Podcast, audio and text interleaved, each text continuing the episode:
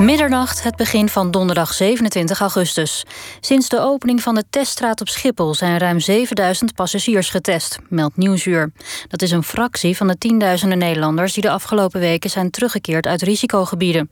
Alleen vandaag al kwamen er zo'n 6500 reizigers uit oranje of rode landen aan op Schiphol. Hoeveel mensen in het buitenland het virus hebben opgelopen is niet duidelijk. De Ierse eurocommissaris voor Handel stapt op vanwege het overtreden van de coronaregels. Phil Hogan lag onder vuur nadat hij vorige week een diner had bijgewoond met meer dan 80 Ierse functionarissen. Dat was een dag na de aanscherping van de coronamaatregelen. Een minister, een hoge rechter en de vicevoorzitter van de Senaat traden al af en anderen boden hun excuses aan. Ook Hogan bood zijn excuses aan en dacht dat dat genoeg zou zijn, maar hij kwam steeds meer onder druk. Een Ierse minister had in de media gezegd dat het kabinet geen vertrouwen in hem had. Een toenemend aantal inwoners van Hongkong vertrekt naar Taiwan. Taiwanese immigratiebureaus zeggen dat het aantal aanvragen is vervijfvoudigd sinds Peking een omstreden veiligheidswet doordrukte. De Taiwanese overheid heeft inmiddels een speciaal loket geopend om Hongkongers in nood te helpen. De nabestaanden van een man die in 2017 is geliquideerd, hebben de beloning voor de tip die leidde naar de daders verhoogd. Twee jaar geleden loofde de familie van Johan van Bokstol al 50.000 euro uit. Nu hebben de nabestaanden er 25.000 euro bovenop gedaan. Eerder loofde ook justitie al een beloning van 20.000 euro uit, waardoor het totale bedrag op 95.000 euro staat. Van Bokstol werd voor zijn huis in Eindhoven doodgeschoten. Hij was een bekende in het criminele milieu. Het weer. Vannacht blijft het op een enkele bui na droog en koelt het af naar zo'n 11 tot 14 graden. Morgen wisselend bewolkt en een enkele bui. Het wordt 18 tot lokaal 23 graden. Dit was het NOS Journaal. NPO Radio 1. VPRO. Nooit meer slapen.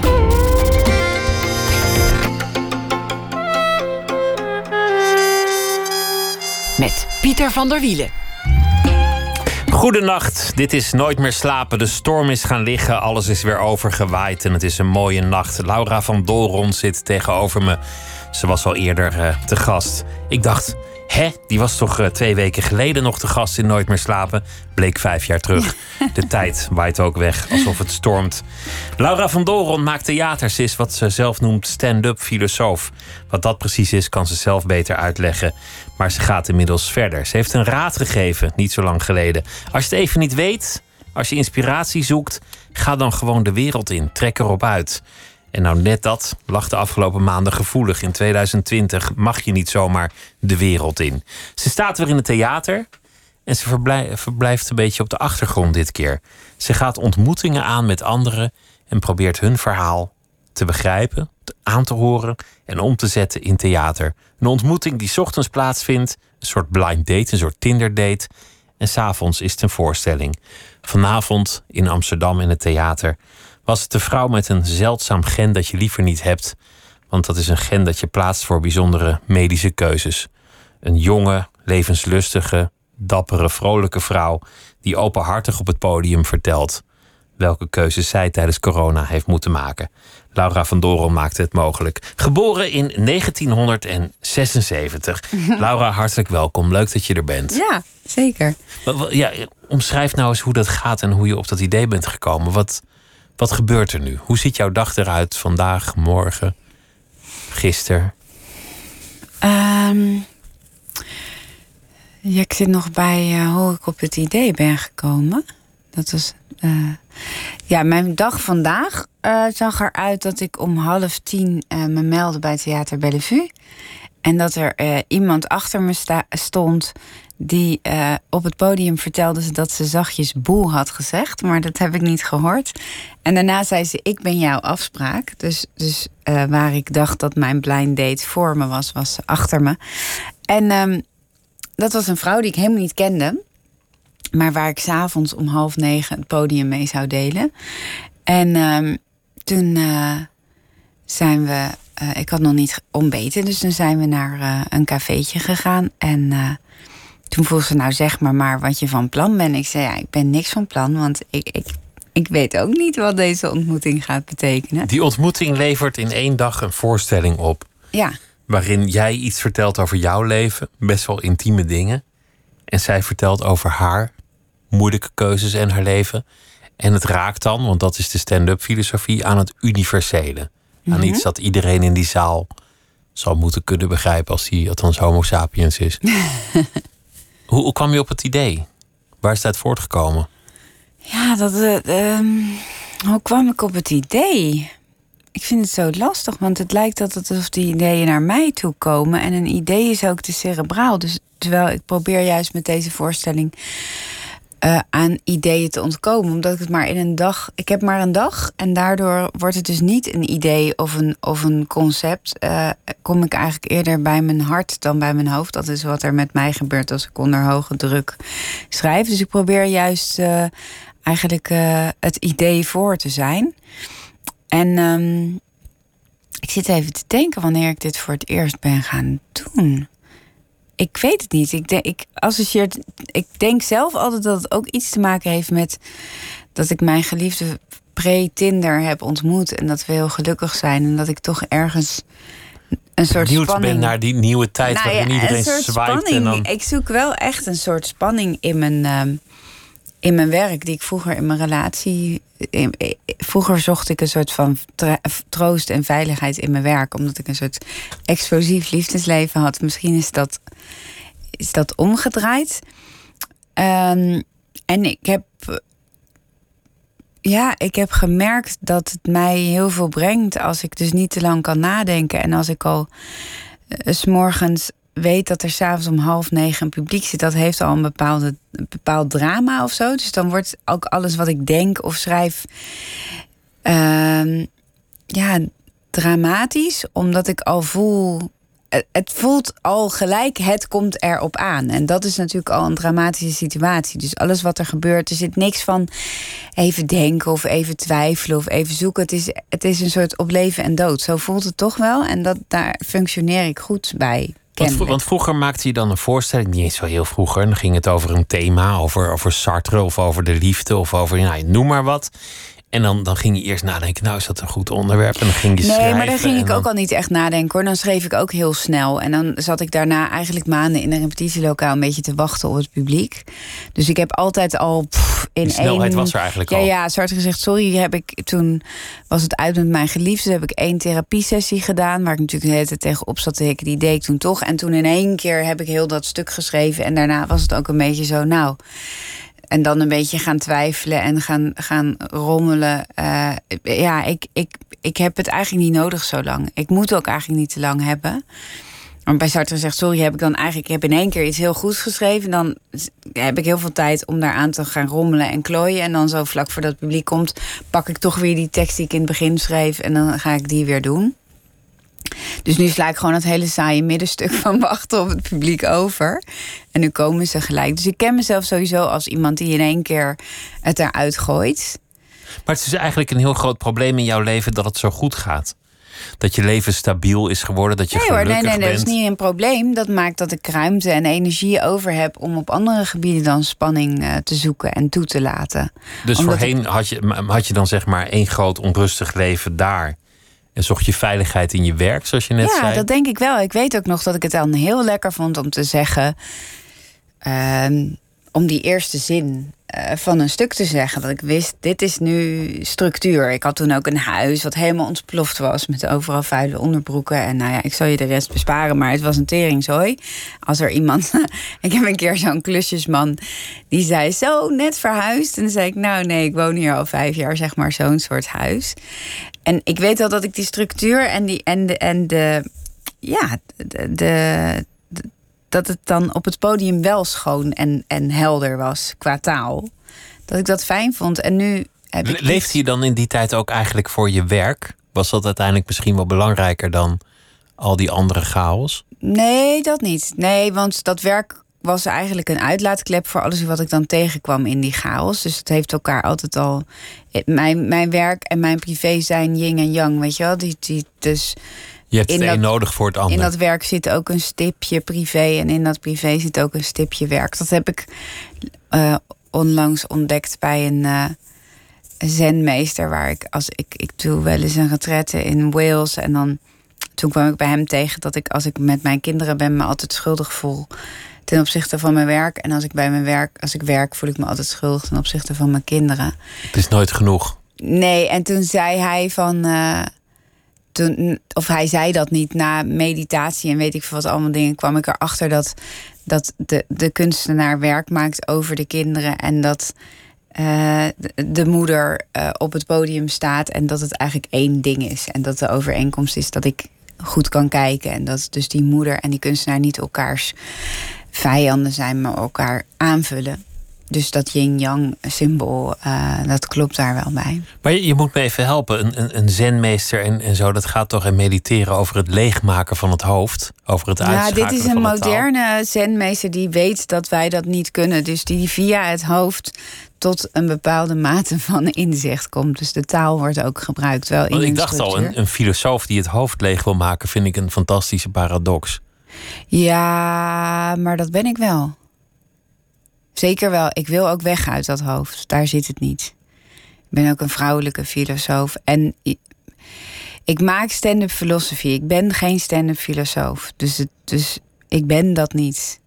Je doet dat, maar, ik maar doe het het, is maar niet ik zou mezelf bijvoorbeeld geen filosoof noemen. Wat ik, waar ik toe kom, is filosofisch. Maar dat gaat wel bijvoorbeeld via het hart. En niet per se via het hoofd.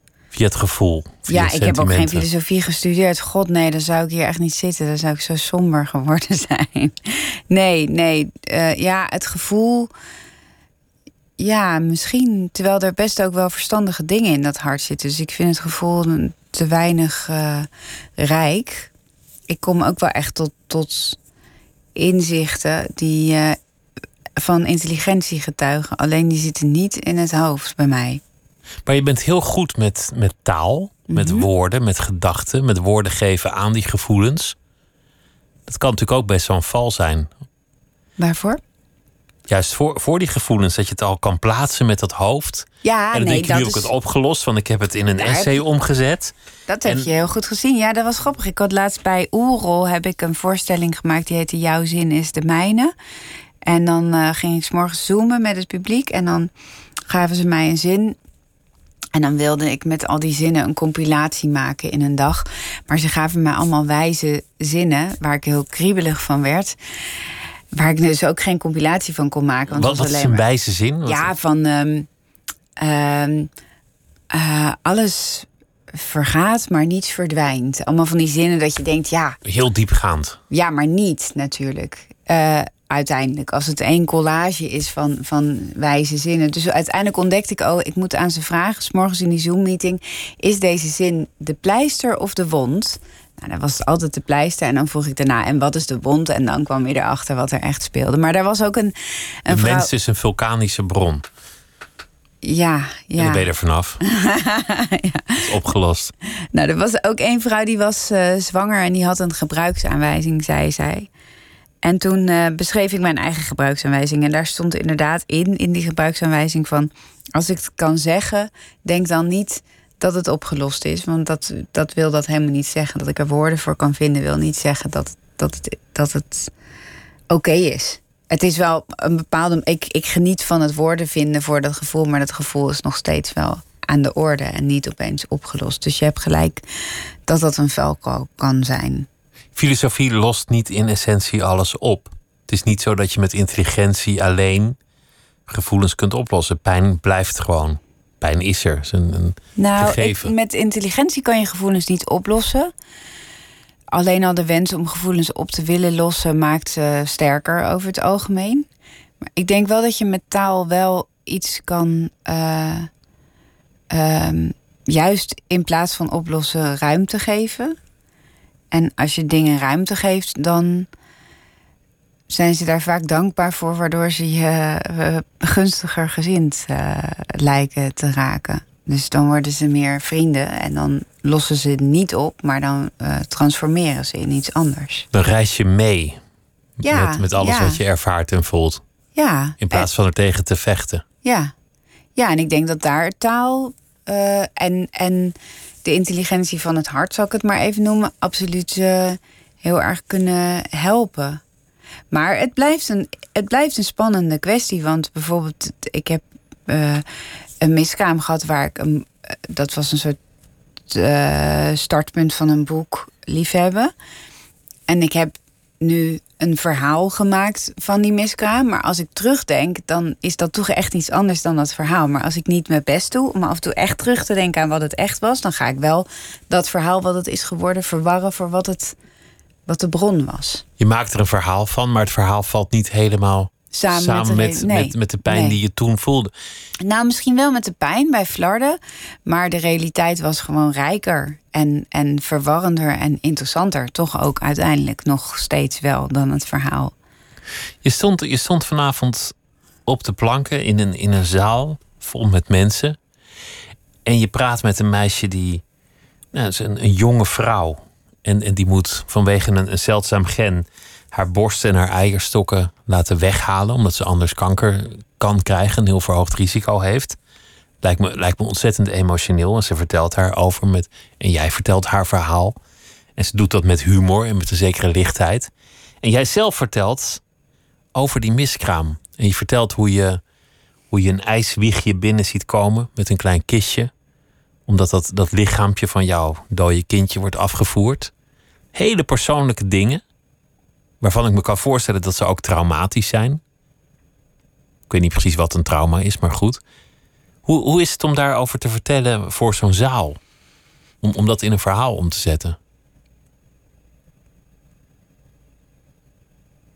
Ja. Ehm. heel. Uh, ik, ik ervaar dat toch altijd als heel prettig omdat het. Uh... Ja, ik, ik benader het publiek altijd als mijn beste vriend. En, en dat het publiek is daar gevoelig voor. En, en laat zich ook in die rol uh, dwingen over het algemeen door mij. Dus ik beschouw ze altijd wel als mijn vertrouwelingen. Dus ik vind het, het is niet iets vijandigs, zo'n zaal? Nee, zeker niet. En toen Helena, want ik vroeg aan het eind aan Helena, mijn gast van de avond of ze, hoe, of ze het leuk had gevonden. Echt vanuit de veronderstelling. Nou gaat ze zeggen ja. En toen zei ze, nou voor al die mensen vind ik het wel spannend. En dan realiseer ik me, oh ja. Oh, dat kan je ook spannend vinden. Dus ik, bij mij, dat ontbreekt bij mij totaal. Ik heb helemaal nul angst. En omdat ik geen angst heb, durf ik veel. En omdat ik veel durf, wordt die angst weer kleiner. Dus dat is natuurlijk iets wat zichzelf enorm voedt en in stand houdt. Dus ik vind het altijd heel aangenaam om tegen ze te praten. Vooral over dingen die mogelijkerwijs verdrietig of pijnlijk zouden kunnen zijn. En als ik daar dan woorden voor vind die die schoonheid bevatten, dan is dat uh, troostrijk. En ik, ik heb ervaren in mijn carrière dat als het voor mij troostrijk is, dat het voor hun ook troostrijk is. En omdat ik daarvan uitga, wordt dat ook vaak waar. Dus ik vind dat heel uh, prettig. Wat dus niet betekent wat je net zei, dat het dan ook helemaal over en weg is. Hè? Maar op dat moment ervaar ik het als ja, zoals, je, zoals het is om op een begrafenis echt de perfecte speech te doen. Dat je echt voelt, dit is echt wat er nu gezegd moet worden. Dat, uh, alleen heb ik dan niet net iemand verloren, zoals op een begrafenis wel. Maar zo aangenaam is het om dingen te zeggen die verdrietig en pijnlijk zouden kunnen zijn, maar met schoonheid. Het is, het is in veel opzichten een belangrijk moment in jouw leven geweest, die, die miskraam. Dat is natuurlijk per definitie zo dat dat een belangrijk moment in ieders leven zou zijn. Maar, maar een hoop dingen zijn erdoor veranderd. Blijvend. Want, want, want jouw vriend en jij, nou ja, goed, zwanger, kindopkomst, dat gaat mis. Hoe is dat verder gegaan? Hoe hebben jullie dat opgelost? Nou, wij, wij, uh, nou, wij hebben dat. Dat, dat is niet per se opgelost. Maar er waren wel een paar dingen tussen ons opgelost. Eigenlijk doordat het misging. Hij was tien jaar jonger dan ik. En ik was 36 toen ik hem ontmoette. En hij 26. Dus het was ook een... Ik bedoel, 36 en 46 is misschien anders. Maar 36 en 26 is echt een groot verschil. En ik had natuurlijk net besloten... nou ga ik iets met die kinderwensen aanvangen. Want ik was eerst lang met een leuke man geweest... die heel somber was. Waardoor ik twijfels had van... hij vindt de wereld zo eng. Kan ik wel een kindje uh, in de wereld zetten met een vader die de wereld zo eng vindt. Dus dat was fout gelopen toen ik 33 was. Toen vond ik mezelf stokoud, wat ik niet was natuurlijk. Maar, dus jij veel Ja, dat denk je dan. Van, oh my god, mijn dertigste verjaardag was al een soort van enorme ceremonie van afscheid en verdriet. Terwijl het uiteindelijk natuurlijk hartstikke jong is. Maar dat weet je helaas dan niet. Ik ben waarschijnlijk nu ook hartstikke jong, wat ik nu ook niet weet. Maar ehm, toen had ik net natuurlijk besloten, ik ga ervoor. Die kinderwensen. En er waren ook net twee goede vrienden van mij die allebei hadden gezegd: ik wil je wel helpen daarbij. Dus zaad eigenlijk leveren. En toen kwam ik dat jonge broekie tegen, die heel erg leuk was, maar heel erg jong. Dus ik baalde. Nou ja, 26, dan ben je wel volwassen, toch? Ja, nou. Dan mag je brommen rijden, je mag het Ja, casino maar in. een kind krijgen. Ik had net heel lang met een man die er eigenlijk niet geschikt voor was. Dus ik denk dat ik ook wel dacht, ja, Je was bang dat hij weg zou gaan. ik was sowieso heel, ik durfde het hem überhaupt niet te vragen. En toen ik het hem helemaal gevraagd had, hij vroeg wel een keertje aan me toen we eigenlijk echt net samen waren van, heb je een kinderwens? En toen zei ik, ik snijd nog liever mijn tong af dan dat ik dat aan je vertel. Dus ik zei ja, maar ook ik durf het niet te zeggen. En daarna was het weer zo'n soort iets waarover gezwegen werd. In ieder geval was ik heel bang dat hij weg zou gaan. En vond ik ook dat hij een legitieme reden had om weg te gaan. Je hebt eens geschreven over de liefde dat heel veel in een relatie wordt bepaald door angst. De angst dat de ander weggaat. En, en dat je daardoor eigenlijk niet helemaal bij jezelf komt. Dat, dat we elkaar eigenlijk niet laten, nou ja, gloreren. Omdat we elkaar nee, een wij beetje waren bang zeker niet aan het gloreren. Ik bedoel, ik was bang dat hij weg zou gaan. Daardoor was ik niet zo leuk en ging ik hem proberen weg te jagen. Omdat ik dacht, als ik hem wegjaag... Dat heb ik tenminste zelf gedaan. zelf vandaan, precies. En ja, dus hij, hij had te maken met niet zo'n leuke vrouw. Dus hij dreigde ook wel weg te gaan, omdat hij dat zelf inderdaad in de hand werkt. Dus dat, dat versterkt elkaar. En toen eh, eh, heeft hij op een gegeven moment toch gezegd: Nou ja. eh, hij heeft toen iets heel moois gezegd. Jouw biologische klok is de mijne, want ik hou van jou. Dat was prachtig. Eh, maar dat waren dus woorden. En vervolgens toen ik zwanger werd, was het wel heel moeilijk en spannend. Omdat we dus allebei zo bang waren eh, dat die ander ons zou verlaten. En die angst genereerde weer allerlei redenen om elkaar te verlaten. Maar wat dus zo eh, ontroerend was, was toen ik. ik bloedde ook de hele tijd, want het was ook een enorme zooi in mijn baarmoeder. En toen ik. ehm, uiteindelijk eh, was ik na dat bloed ook eh, vruchtwater eh, verloren. Maar ik was zo in paniek geweest maandenlang. Want dat bloed is echt heel, heel beangstigend. Dat ik over dat vruchtwater dacht: Weet je, ik ga gewoon niet meer in paniek zijn. Fuck it, ik, ik doe het niet meer. Ik was gewoon moe ervan. Ik dacht: Ik ga ook niet tegen hem zeggen. Ik ga gewoon even in mijn eentje naar het ziekenhuis. Het zal wel niks zijn. Het zal wel geen vruchtwater zijn. En toen was het wel. Vruchtwater. En toen eh, had ik een hele gemene dokter die een echo-apparaat op mijn buik zette. En niet eens tegen mij, maar tegen de verpleegster naast mij zei: Er zit niks. Terwijl ik echt Oh, twee dat, is- dagen. dat, is- dat is daarvoor- wel een beetje lomp. Ja, twee dagen daarvoor had ik het nog gezien. En toen ging hij ook, ook mij nog steeds niet aankijken. Het op een briefje tekenen hoe het er dan uitziet als er wel iets zit. Dus hij tekent een heel slordige baarmoeder met een soort, een soort van ja, balletje. Heel lelijk getekend. En dan gooide hij dat mij. Nou, dat was verschrikkelijk. Dus toen voelde ik niet. Je denkt dan toch van, ben ik nou gek? Weet je wel, dus ik was niet alleen, dacht ik, het is weg. Maar ook, volgens mij heb ik het bedacht. Of het was een hele enge en nare sfeer. eh, Lars van Trier-achtige setting.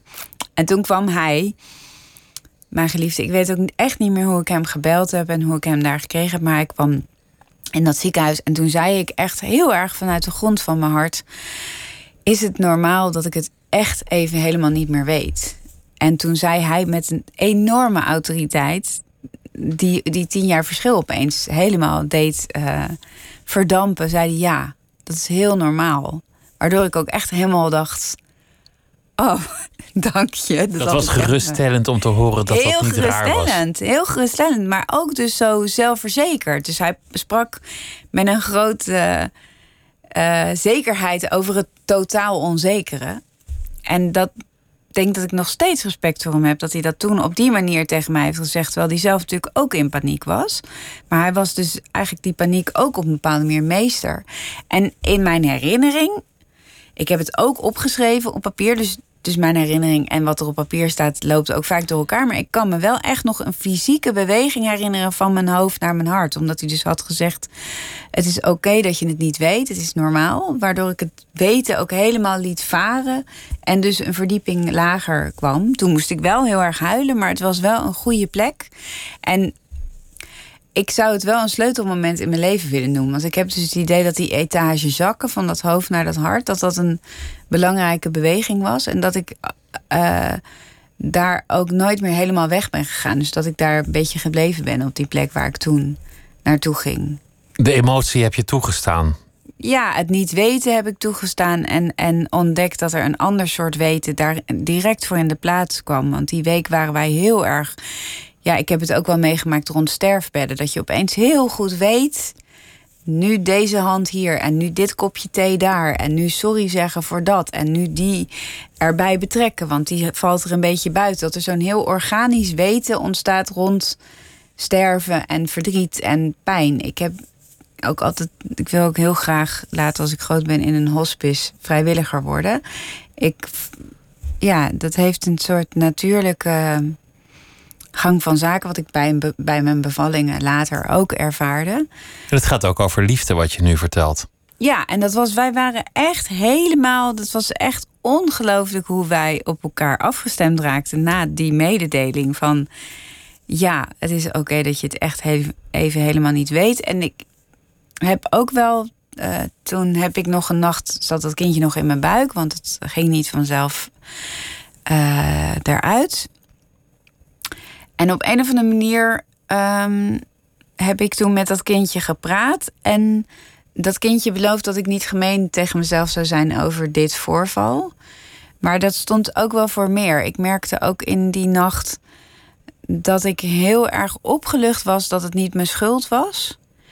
En dat dat gevoel van het is niet mijn schuld, dat dat ook wel meer bevatte dan alleen die miskraam. Dat ik sowieso ik was 36, maar ik had toch wel heel erg het gevoel gehad tot dat moment toe dat alles wat mij overkwam mijn eigen schuld was. Of dat ik alles zelf had uh, op de hals gehaald. Dus een beetje zwaarmoedig is dat eigenlijk hoogmoedig en, eh, eh, hoog en, zwaarmoedig. en zwaarmoedig. En ook wel opgevoed door ouders. Daarom heb ik Sartre ook enorm veeg uit de pan gegeven met zijn idee van uh, dat je zelf verantwoordelijk bent voor alles. Dat heeft mijn ouders ook weer gevormd en dat heeft mij gevormd. Dus ze hebben mij eigenlijk juist met heel. Ik heb dat altijd als vrijheid gezien dat je zelf verantwoordelijk ja, bent voor alles. Ja, maar het is natuurlijk ook een enorme molensteen. Ik bedoel. Dus dat anti-autoritaire van, die, van, die, van de vrijheid en het maakbaarheid is juist een last. In ja, natuurlijk. Geval. Want als je, het, als je alles zelf voor elkaar kan krijgen, als je dan niet voor elkaar krijgt of er gaat iets mis, dan zit het natuurlijk eigenlijk, heb je dat zelf zo georganiseerd of niet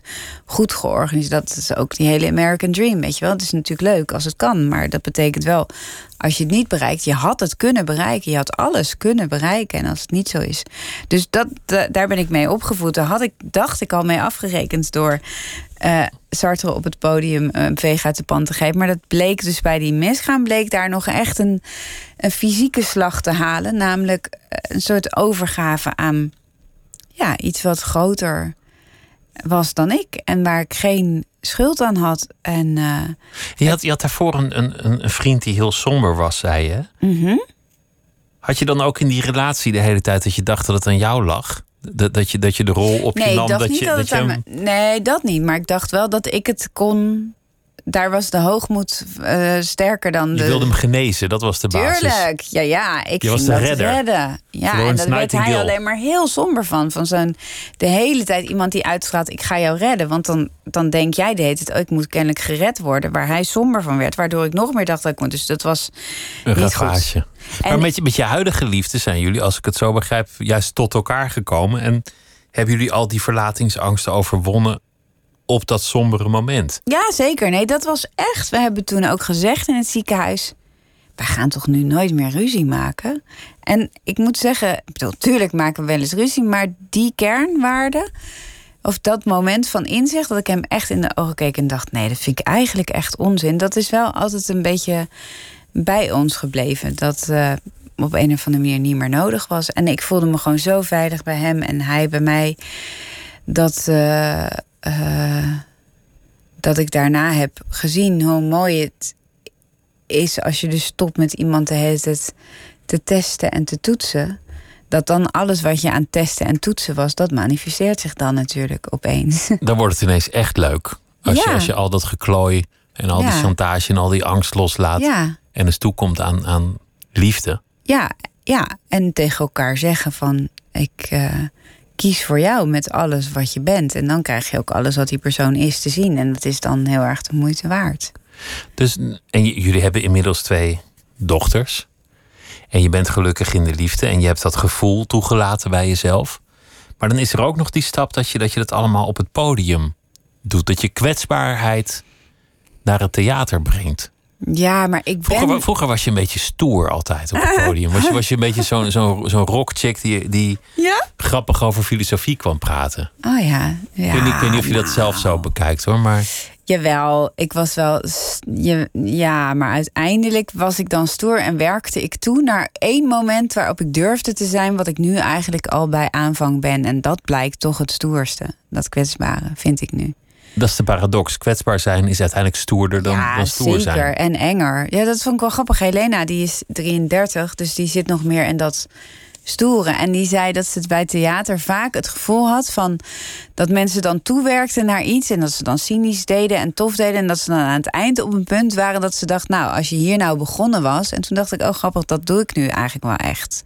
Ik hoef niet meer helemaal die ui af te pellen en te ontdekken dat zelfhaat niet nodig is en zo. Dus nu is, nu is, nu is oprechtheid eigenlijk het startpunt. En daardoor heb ik ook ruimte om zo een ander toe te laten, zoals vanavond. Omdat ik niet meer helemaal dat gevecht hoef te leveren met wie ben ik en wie kan ik zijn. En kan ik wel eerlijk zijn? En wat is eerlijkheid eigenlijk? Weet je, als je gewoon als uitgangspunt neemt. Daar, begin, daar begin je gewoon. Ja, eerlijkheid bestaat, oprechtheid bestaat. Een goed mens willen zijn bestaat. En af en toe bij vlagen lukt het ook nog. Dat is het uitgangspunt.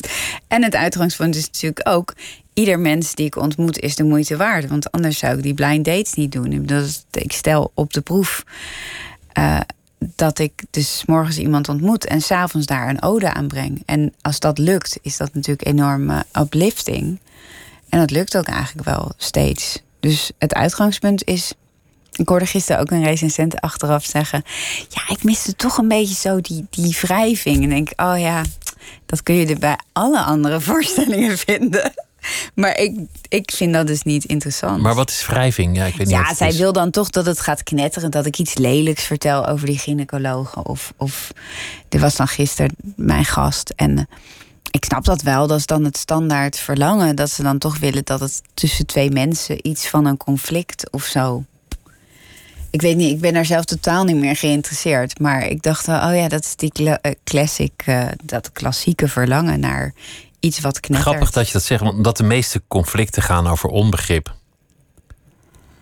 Is mijn ervaring. Ja, ja dus maar dat vaak ook, ken- ook hele, van die hele stevige interviews, weet je wel.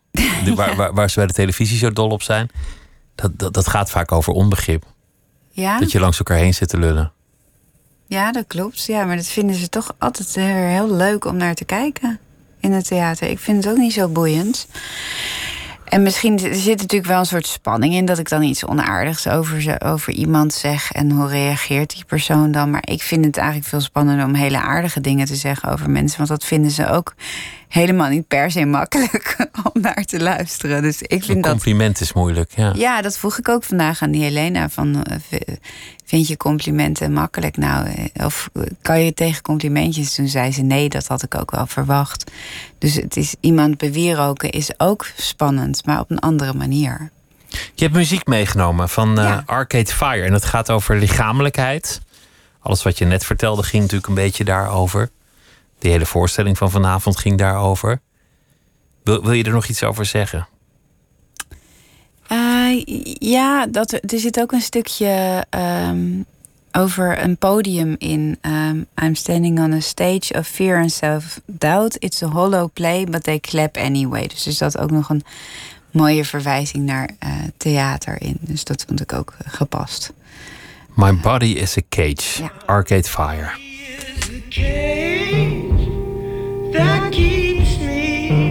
Dancing with the one I love. But my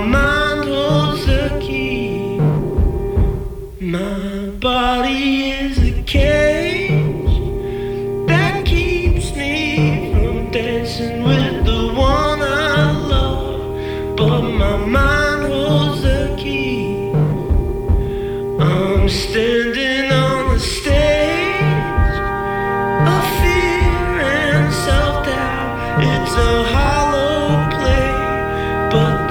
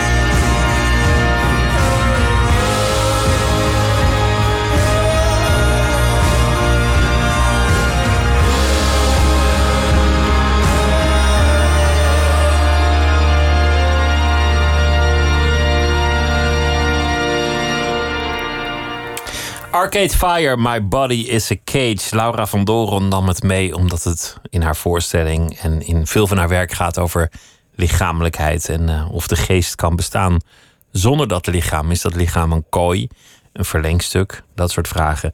Stand-up filosofie bedrijft zij in het theater, verhalen vertellen. En ze vertelde over uh, de ratio versus het gevoel. De filosoof die het hoofd wil uitschakelen. Hoe ze zelf de weg naar het sentiment heeft gevonden. De weg naar het hart. En die nooit meer heeft verlaten op een moeilijk moment. Namelijk een, uh, een miskraam in een ziekenhuis. Wat ook haar relatie een nieuwe dimensie gaf. En daarmee ook uiteindelijk haar werk. Want ze is nu kwetsbaarder op het podium. Privé gelukkig, wat ze lange tijd niet weg uh, niet was. het werk was toen juist een baken van rust. Een plek waar ze controle had, omdat het daar buiten chaos was. En nu zoekt ze de spanning op in het werk, omdat het thuis allemaal lekker stabiel gaat. En dat doet ze bijvoorbeeld door ontmoetingen te anseneren op de planken. In één dag een voorstelling maken op basis van iemand die je zomaar ergens tegenkomt.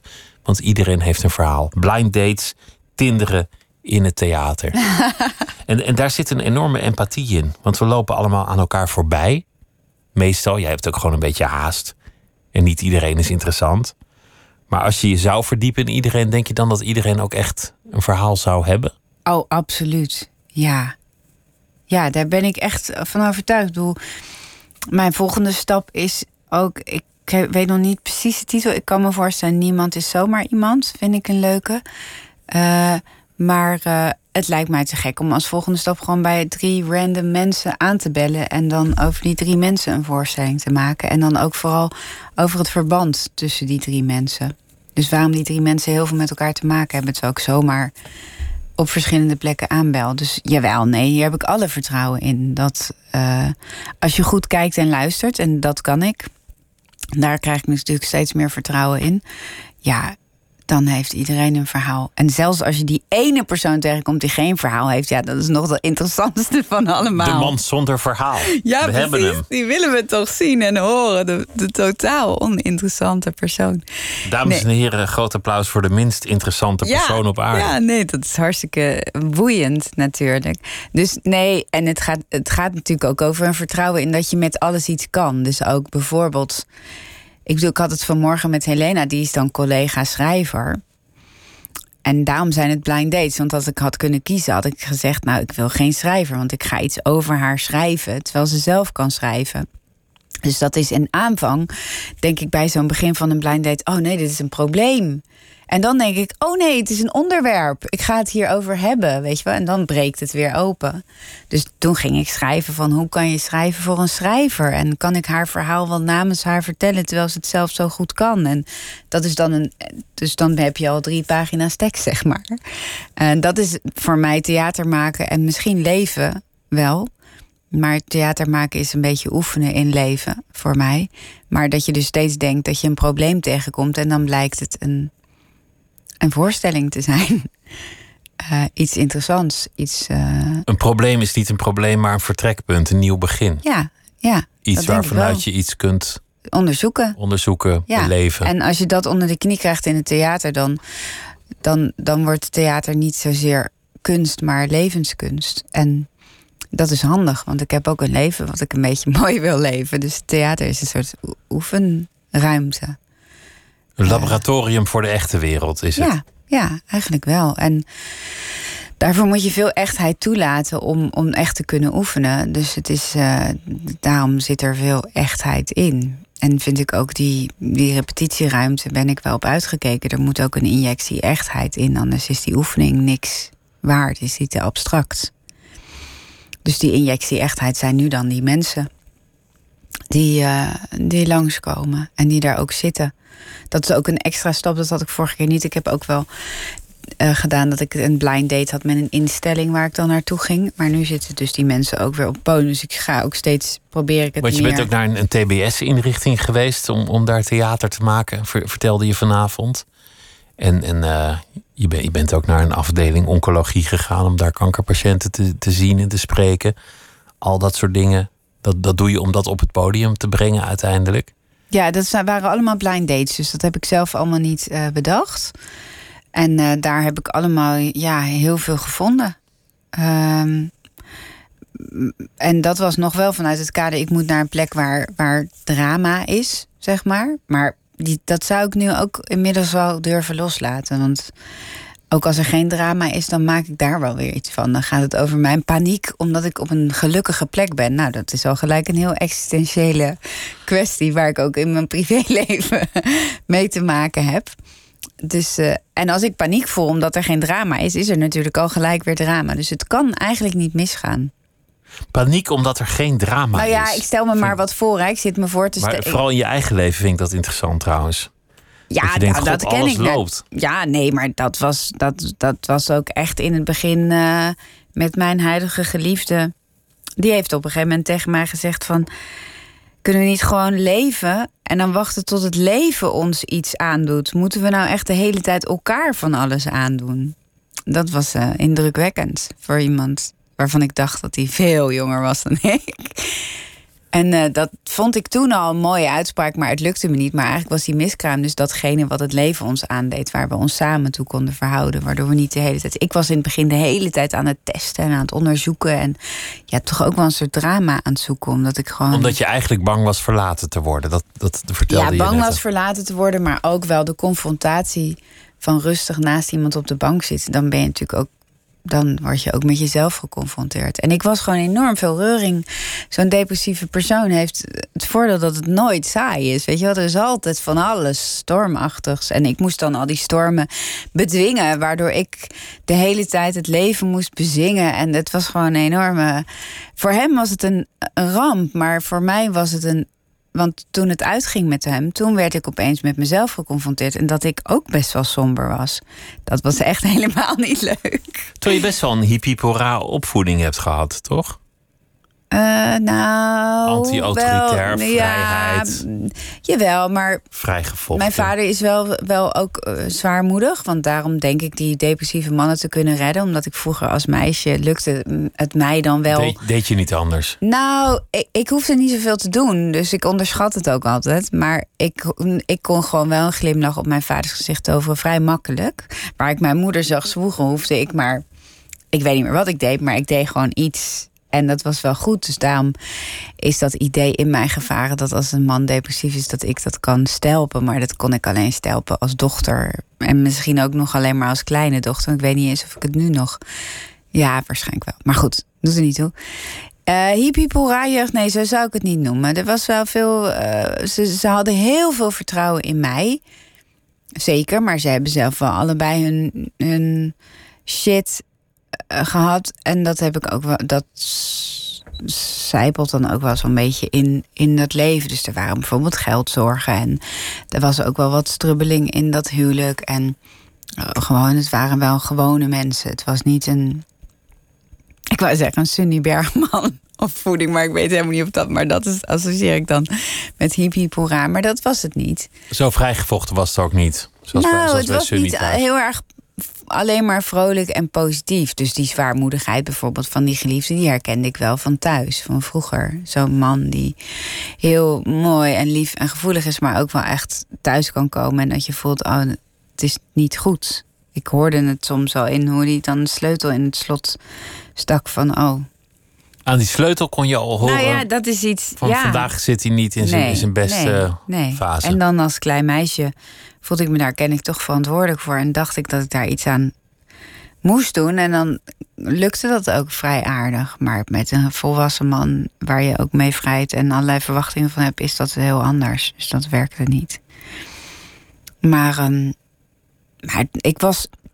Ik, bedoel, ik zat hier. Ja, vijf jaar geleden was ik toen ook al gelukkig. Ik bedoel, ik ben altijd ook wel.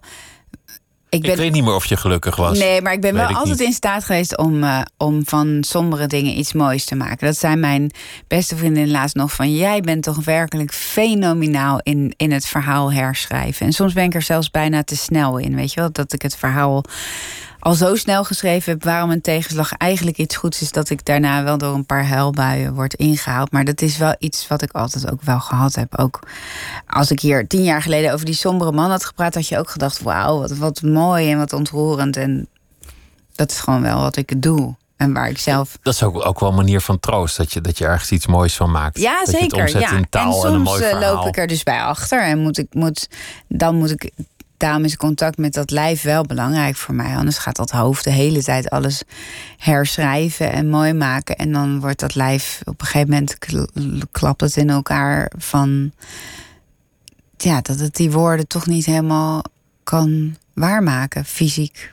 Vandaar de stilte, retretres en de Ja, Boeddha oh en, en dat soort dingen. Je, je zei ook iets moois vanavond in, in die voorstelling. Ook, toch Dat- wel? ja, nee, je zei nog iets moois. Dat je, dat je vriend die, die zegt dan van, wat ben je mooi? Oh ja. En, en dan denk jij, oeh, nu moet ik wel heel snel mooi worden, Nu zolang het- hij het nog denkt. Ja, dat is triest. Anders is het te laat. Ja, ja, ja, dat draai ik om in mijn hoofd. Dus Ja. een compliment wordt dan een soort last. Ja, want nu heb jij net gezegd, je zei iets moois vanavond. En dan voel ik gelijk, oh, nu moet ik ook iets moois. Dus dat is een omdraaiing. Ik weet niet waarom. Oh, nu moet je weer iets moois zeggen. Ja, ik of, daar of niet- zei ik maar één mooi ding, ik zet heel ja, veel maar mooie dit is dingen. toch ook hoe succes werkt. Van, oh, nu heb ik het, nu moet ik het. Dit is waar dit hele geweldige Shakespeare-drama van Macbeth op gebaseerd is. Die heksen zeggen, je wordt koning. En dan gaat hij keihard werken om koning te worden. Zoals ze hebben het gewoon voorspeld. Dus hij heeft het al eigenlijk. Ja, maar ja, iets krijgen, iets hebben is. eh, wordt, ja, na een compliment zou je een bepaalde mate van ontspanning jezelf moeten toestaan. Maar dat is toch ook weer een confrontatie. Mijn moeder is er nog veel slechter in. Die kan het echt niet. Als je tegen haar zegt, je ziet er leuk uit, zegt ze, oh, leuk als een clowntje zeker.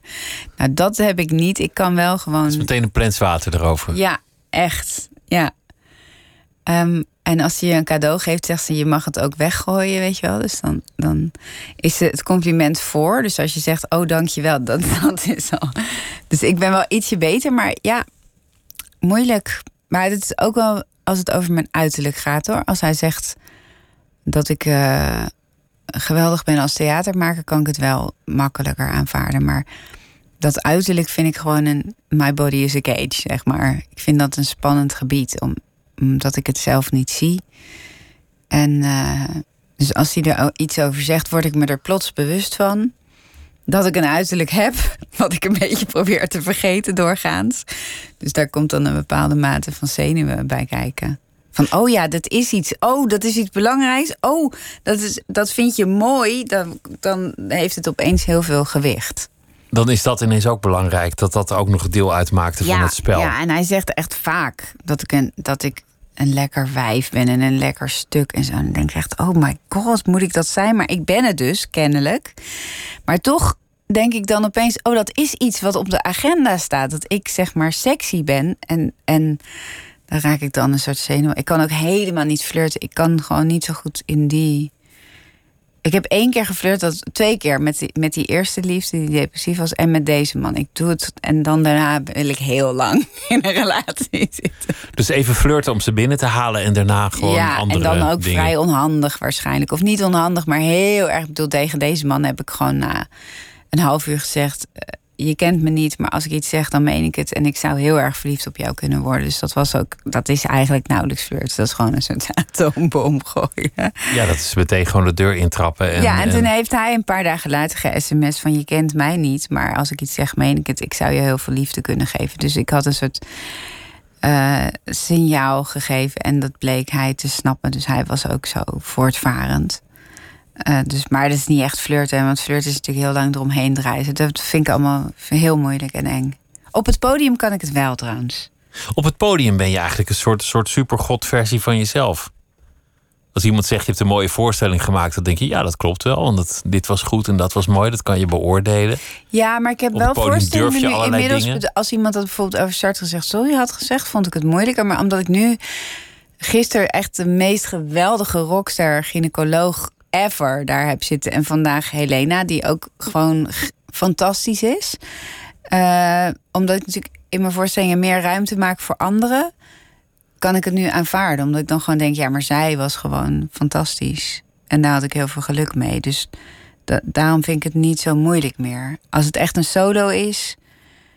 Maar bijvoorbeeld liefhebben ook. Dat is ook een voorstelling waarbij ik complimenten kan aanvaarden. Want in liefhebben beschrijf ik eigenlijk over allemaal andere mensen hoe mooi ze kunnen liefhebben. Dus daar heb ik ook het gevoel dat het een compliment is wat niet direct met mij te maken heeft. Dus daarom kan ik het wel. Maar over gynaecologie gesproken, dan, dan vertel je Ja. bij, je, bij je, je, je reden aan de opening van het theaterseizoen. eh, vertelde dat, dat je sinds je kinderen hebt gebaard... dat als je kucht, dat er wel eens wat plas eh, wegloopt. ja. Dat, ja, dat zullen heel veel mensen hebben. Dat schijnt normaal te zijn. Maar dat, dat, dat, zoiets op het podium vertellen... dat lijkt me gewoon best wel moeilijk. Een soort drempel. Nee, dat is juist heel bevrijdend. Omdat je er enorm... eh, eh, ja, ik weet inmiddels dat, dat die dingen waarvan ik denk, kan dit? Dat het juist allemaal heel erg kan. En ik had wel, ik schrijf het dan wel slim op. Want ik vertelde dat ik ooit eh, met Romana Vrede samen had geschreeuwd op het podium. En ik weet al dat Romana is gewoon enorm geliefd in de theaterwereld. En dat ik toen achteraf aan haar bekende dat ik een beetje plas had laten varen. En dat ze zei toen, oh, ik draag altijd een inlegkruisje. Als ik schreeuw op het podium, dan draag ik een inlegkruisje. Dus ik neem wel een corrivee mee in dat verhaal. En dan vertel ik ook nog dat ik haar ge-sms'd heb voor de staat van mag ik het vertellen. En dat ze alleen maar terug sms'de de. Dus ik zorg wel dat ik in goed gezelschap ben, zeg maar. Dat ik een enorme rockster naast me heb staan, zoals Romana, die dat ook heeft. Dus ik maak het wel. Daardoor maak ik het denk ik veilig voor mezelf. En, en waarom vind je het fijn om dat te vertellen? Of, of nodig? Nou, omdat ik het. Het vrouwelijk lichaam als iets wat in beweging is en wat niet altijd mooi en af en perfect is. Eh, in het theater is dat best nog wel iets wat een beetje veroverd mag worden, wat mij betreft. Dus eh, ik vond dat belangrijk en goed om te zeggen. En ik vond ook dus heel mooi dat die de van Romana vind ik ook een soort sfeer tussen vrouwen die ik heel ja, ik vond het heel ontroerend dat ze me dat gelijk gaf, weet je wel, dat inlegkruisje van haar. En dat het voor haar vanzelf sprak, dat ik daar natuurlijk over mocht praten. Dus het had ook een soort zusterschap, zat er in uh, die anekdote. Die ik, Maar eigenlijk ook een, een dwarsheid tegen een soort cultus op het theater, op de theatervloer bij het vrouwenlichaam. Ja, en de perfectie. Alleen ja, maar sexy en aantrekkelijk nee, moet zijn. afschuwelijk, vreselijk. Ja, mijn moeder heeft een tijd theaterfoto's gespaard waar vrouwen uh, half naakt in onderdanige posities uh, werden gefotografeerd. Nou, ze is gewoon gestopt, want ze zei ja, alleen een schaarste goed is leuk om te verzamelen. Maar het was gewoon elke dag, elke dag schering en inslag. Het was gewoon altijd een foto van een vrouw en een man met een knie in haar nek. Dus dat is wel echt een, ja, ook toch heel veel theaterposes. Nu wordt het iets minder. Omdat er echt veel vrouwen zijn geweest die hebben gezegd: Nou, even klaar. Nu zijn we er wel. Ja, maar het was natuurlijk heel lang gewoon. Als er een reden kon verzonnen worden om een jonge vrouw bloot op een poster te zetten, dan werd het gedaan. Dus dan is iemand die in de broek plast, die zo geweldig is als Romana en als ik ook toch wel. Dat is fijn. En er waren ook veel vrouwen die dat fijn vonden. Nu wordt het wel spannend, want ik ga hem nu weer doen volgende week alweer. En nu heb ik bijvoorbeeld al dat ik denk, kan ik... Die reden ga je weer doen. Ja, maar dan, dan herzien. Nu denk ik alweer, kan het nu? Want het was heel erg in MeToo-tijd. Dus het voelde heel erg zo. Dat was een vrij subtiele window of time. Dat ik even voelde, dit mag ik en durf ik nu te zeggen. Dit feministische ding. Maar nu denk ik alweer, ja, maar nu is Black Lives Matter. Kan, kan ik nu nog als witte vrouw met mijn inlegkruisje aankomen zetten? Dus dat, dat, daar ga ik het waarschijnlijk volgende week over moeten hebben. Van, is Om- dat omdat je dan toch denkt van ja, ik heb misschien mijn problemen, mijn achterstand, maar anderen hebben misschien nog meer problemen of nog meer Er is hindernissen. nu alweer Dus ik heb vorig jaar heel veel schroom moeten overwinnen, toch wel. Om iets feministisch te zeggen. En niet te denken, nu gaat iedereen me heel stom vinden. En vooral alle mannen waar ik kansen van krijg. eh, wat toch wel nog steeds zo is in En, en nu denk je ineens van goh. Nu heb ik gewoon weer iets anders verzonnen waarom ik schroom heb. Maar goed, dan, nu lijken dat first world problems eigenlijk. Nou, maar het is gewoon een reden om weer schroom te hebben. Ik had vorig jaar ook schroom. Hè? Ik doe nu heel stoer over dat inlegkruisje, omdat het uiteindelijk succesvol bleek dat ik dat zei. Maar van tevoren vond ik dat natuurlijk afschuwelijk eng. En nu heb ik gewoon. Ik denk dat die schroom gewoon in mij zit. En ik zoek natuurlijk de meest politiek correcte reden om schroom te hebben. En dat is natuurlijk Black Lives Matter. Dus het is gewoon een supergoeie pleister om op mijn eigen mond te plakken. En die moet ik er op een of andere manier afzien te peuteren. Je hebt toch die, die worsteling nodig. Als er geen drempel ligt, dan ik heb het niet. wel. Nee, die worsteling heb ik niet nodig. Die zit echt in mij. Ik zoek hem niet op. Die zit gewoon wel in mij. En eh, ik, maar dan denk ik, nou, als ik een worsteling heb, dan heb ik een speech. Dus die ga ik dan maar doen. Hé, hey, maar eh, God allemachtig, dan morgenochtend om half tien... dan zit je weer in dat theater met je eerste koffie... en dan eet je zo'n zo'n lauwwarme tosti van het café om de hoek... met iemand die je nu nog niet kent. En s'avonds sta je op de planken met zijn of haar levensverhaal. Ja, en het mijne daar doorheen En het, geweven. en het jouwe en het universele. En, en dan is het nu, wat is het? Een twee voor één. Ja, Kort nachtje en, en dan sta je er weer. Ik heb wel gevraagd of ik morgen om tien uur mag beginnen. Maar als ik nu denk ook, god, het had ook wel wat ruimer gemogen. Maar ja, het is een eh, achtbaan. Maar ik, kan, een- ik hoef niet maanden te repeteren. Hè? Dus ik kan daar tegenover ook heel veel tijd tekenen en verven en kleuren met mijn kinderen. En, en, en eh, kletsen en vrijen met mijn man. Dus het, is ook wel, het levert ook wel vrije tijd op. Het is even heel... Nu even rock'n'roll en Ja. daarna weer zen. Ja. Laura, dankjewel dat je langs wilde komen. Het was fijn om met je te praten. Laura van Dolron. En de, de reeks die is nog eh, te zien de komende tijd. En de reden van het theater die komt er ook weer aan. En ik wens iedereen een uh, goede nacht. Zometeen Miss Podcast.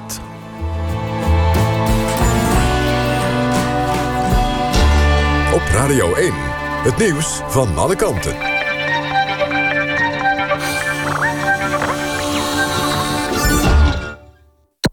NPO Radio 1. 1 uur, Michelle Veldkamp met het NOS-journaal. Van alle natuurbranden die wereldwijd ontstaan... wordt 75% veroorzaakt door mensen. Dat schrijft het Wereld Natuurfonds in een rapport.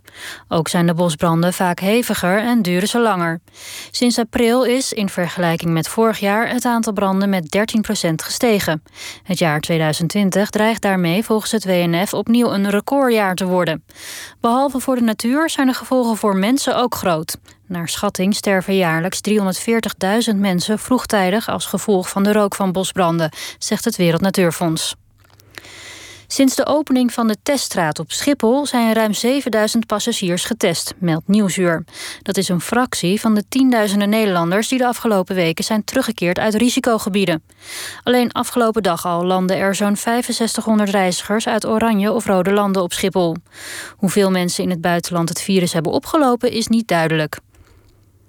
De Ierse eurocommissaris voor Handel stapt op vanwege het overtreden van de coronaregels. Phil Hogan lag onder vuur nadat hij vorige week een diner had bijgewoond met meer dan 80 Ierse functionarissen.